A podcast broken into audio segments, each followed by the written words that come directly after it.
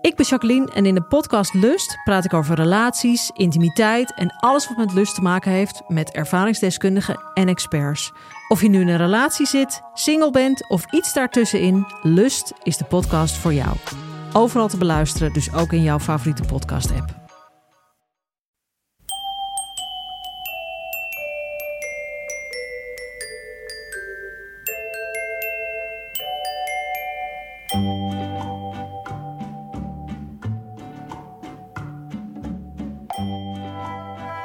Welkom bij aflevering 32 van de Echt Gebeurd podcast, waar echt gebeurde verhalen worden verteld door de mensen die het zelf hebben meegemaakt. In deze aflevering een verhaal van Frans de Wit. We maakten deze opname tijdens het festival Five Days Off. En het thema was uitgaan.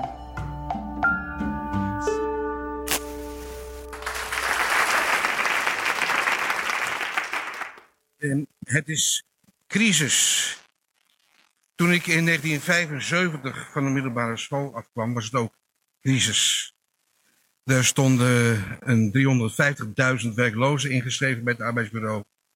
En daar stonden 11.000 banen tegenover. En met mijn HAVO-pretpakketdiploma was ik niet vreselijk bemiddelbaar. Dus ik kreeg van het arbeidsbureau een opleiding aangeboden, een scholing. En daar moest ik een test voor doen. En dankzij mijn verbluffend hoge score mocht ik uit alle vakken kiezen die ze hadden. En ik heb toen voor Timmerman gekozen. Houtbewerking, dat leek me wel wat. En midden jaren zeventig uh, was het nog uh, volop uh, arbeiderisme. Linkse intellectuelen gingen iets met hun handen doen. En zodoende, toen ik op de timmerafdeling kwam, bleek ik degene met de laagste opleiding te zijn. Um, op ongeveer drie kwart van die opleiding werd ik ontslagen. Wegens uh, gebrek aan resultaat. Het ging allemaal niet snel genoeg naar uh, hun idee. Ik heb daar bezwaar tegen aangetekend en na verschillende procedures te hebben doorlopen, werd ik arbeidsongeschikt verklaard. Um, ik was naar een psychiater geweest en naar een neuroloog en die, hadden eerst geadviseerd dat ik niet gek was. En de neuroloog die zei dat het is beter om af te keuren, want uh, dit is een te zware belasting voor zijn hart en zijn gewrichten. En als we hem nu niet afkeuren, dan is hij over 20 jaar afgekeurd. En dus uh, hadden ze dat maar vast gedaan. Ja, ze waren daar toen wat makkelijker in. Dus ik was 21 en uh, arbeidsongeschikt. En ongeveer, ik denk een kilo of vijf lichter dan nu. Dus uh, ter vergelijking. En dus toen ben ik vrijwilligerswerk gaan doen. Uh, eerst bij de Vriendschapsvereniging Nederland-China. Ik heb voor uh, Amnesty International dingen gedaan. Ik zat, deed een kraakspreekuur. Uh, ik zat in een beentje. Um, en zo vulde ik de tijd een beetje. En ik ben toen ook een opleiding, een avondschool was dat, op de grafische MTS. Typografisch technisch layoutman gaan volgen. Twee jaar avondschool heb ik ook volbracht. En toen werd ik weer goedgekeurd. Want voor layoutman was ik niet arbeidsongeschikt. En uh, toen kwam ik dus weer in de bijstand terecht. Voor de derde maal inmiddels. Ik heb alle uitkeringen uh, al gehad die er waren. Uh, van, dat is een ander verhaal.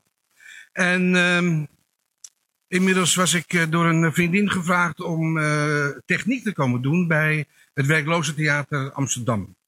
En dat hield dan voornamelijk in het decor neerleggen. Dat we speelden aan ronde. En aan een lichtslang bevestigen en het stopcontact steken.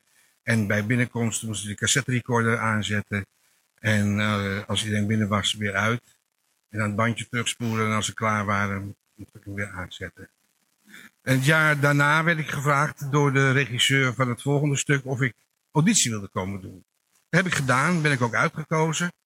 En uh, wij speelden toen het stuk Gered van Edward Bond. En daar speelde ik een, uh, neofascistische skinhead met een spraakgebrek.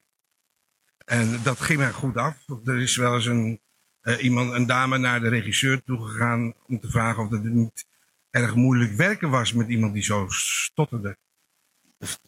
en die regisseur heeft toen weer voor een ander stuk gevraagd. En daarna was een andere regisseur die mij weer voor iets vroeg en dat rolde zo door. En dat uh, vond plaats in wat toen het derde circuit heette. Dat bestaat nu niet meer. Dat was wel gesubsidieerd, maar het werd niet betaald. En dat mocht toen ook nog. Want ze waren al lang blij dat al die mensen een beetje zichzelf bezig hielden en van de straat af waren. En uh, dat heb ik acht jaar gedaan. Van het ene stuk in het andere stuk gerold. En uh, toen op het moment dat ik dacht van nou, ik zou nu misschien eens met wat foto's naar Hans Kemna moeten stappen. Dat was de, toen al de casting director van Nederland. Maar ja, ik had alleen nog maar uh, ongesubsidieerd toneel gespeeld. Dus ik was wat terughoudend daarin. Tot ik op een morgen gebeld werd door Hans Kemna. Om, die vroeg of ik auditie wilde doen voor een reclamespotje. Nou, dat heb ik gedaan. Twee keer terug geweest. En ik ben het geworden. Ik heb een spotje gemaakt voor Knor diepvriessoep. En dat is nooit uitgezonden. Want iemand bij Unilever had zijn handtekening gezet. En die voelde zich gepasseerd. En toen is het project ingetrokken. Maar ik had wel al in twee dagen tijd 10.000 gulden verdiend. Met dat spotje. En omdat ik in de bijstand zat, dan mag je, mocht je toen, als je bijverdiende, mocht je per maand 150 gulden houden. En de rest moest naar de sociale dienst. Uh, heb ik besloten toen om mijn uitkering op te zeggen. En denk ik, nou, nu ga ik, hier kan ik een half jaar van rondkomen. Ik zet wat apart voor de belasting aan het eind van het jaar. En uh, in het half jaar moet er dan weer iets anders komen. Maar omdat ik niet zoveel opdrachten had, moest ik ook een baantje erbij hebben om toch wat inkomsten te genereren. En toen heb ik gesolliciteerd als portier in Paradiso.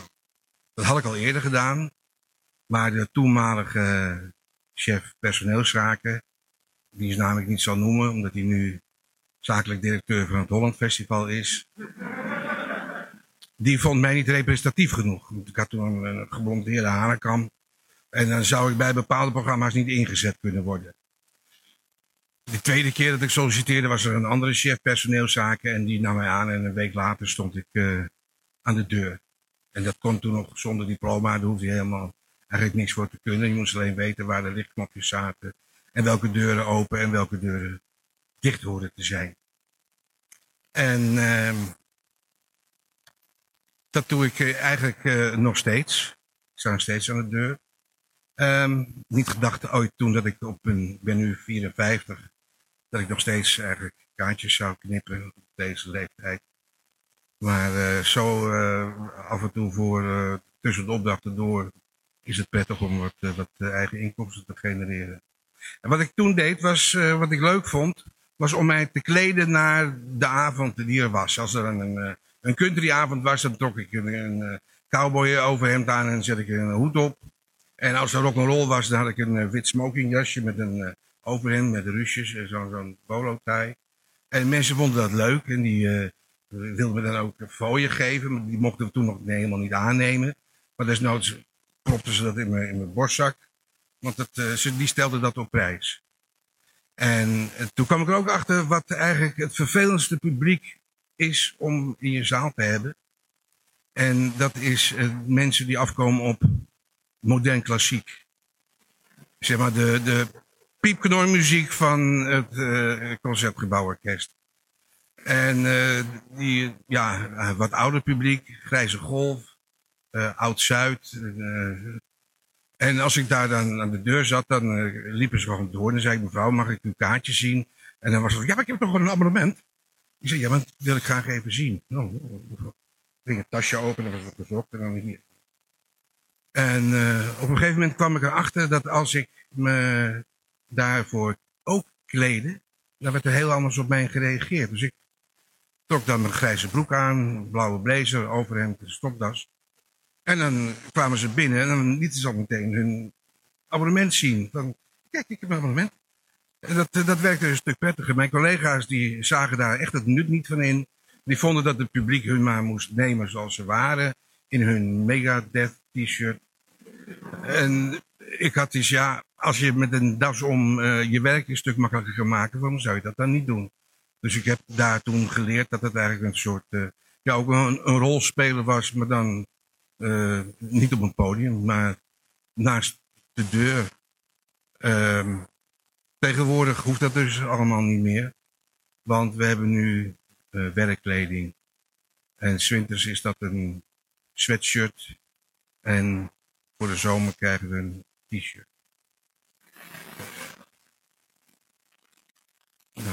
Dank u wel.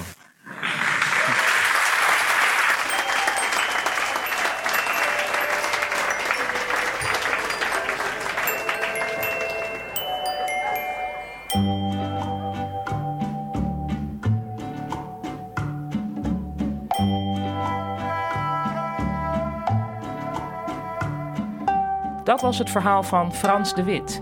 En deze editie van Echt Gebeurd vond plaats tijdens Five Days Off. Normaal gesproken is Echt Gebeurd in Toemler onder het Hilton Hotel in Amsterdam. Maar nu is het zomerstop. In september gaan we pas weer door. Tussendoor kun je ons wel zien op Lowlands en op Into the Great Wide Open op Vlieland. Voor alle informatie hieromtrent verwijs ik naar de website echtgebeurdintoemler.nl. En daar staat ook op hoe je je kunt aanmelden om zelf een keer een verhaal te vertellen. Want daar willen we iedereen van harte toe uitnodigen. We helpen je dan natuurlijk zodat je je verhaal zo goed mogelijk kunt vertellen. De redactie van Echt Gebeurd bestaat uit Micha Wertheim, Rosa van Dijk, Eva Maria Staal en mijzelf, Paulien Cornelissen.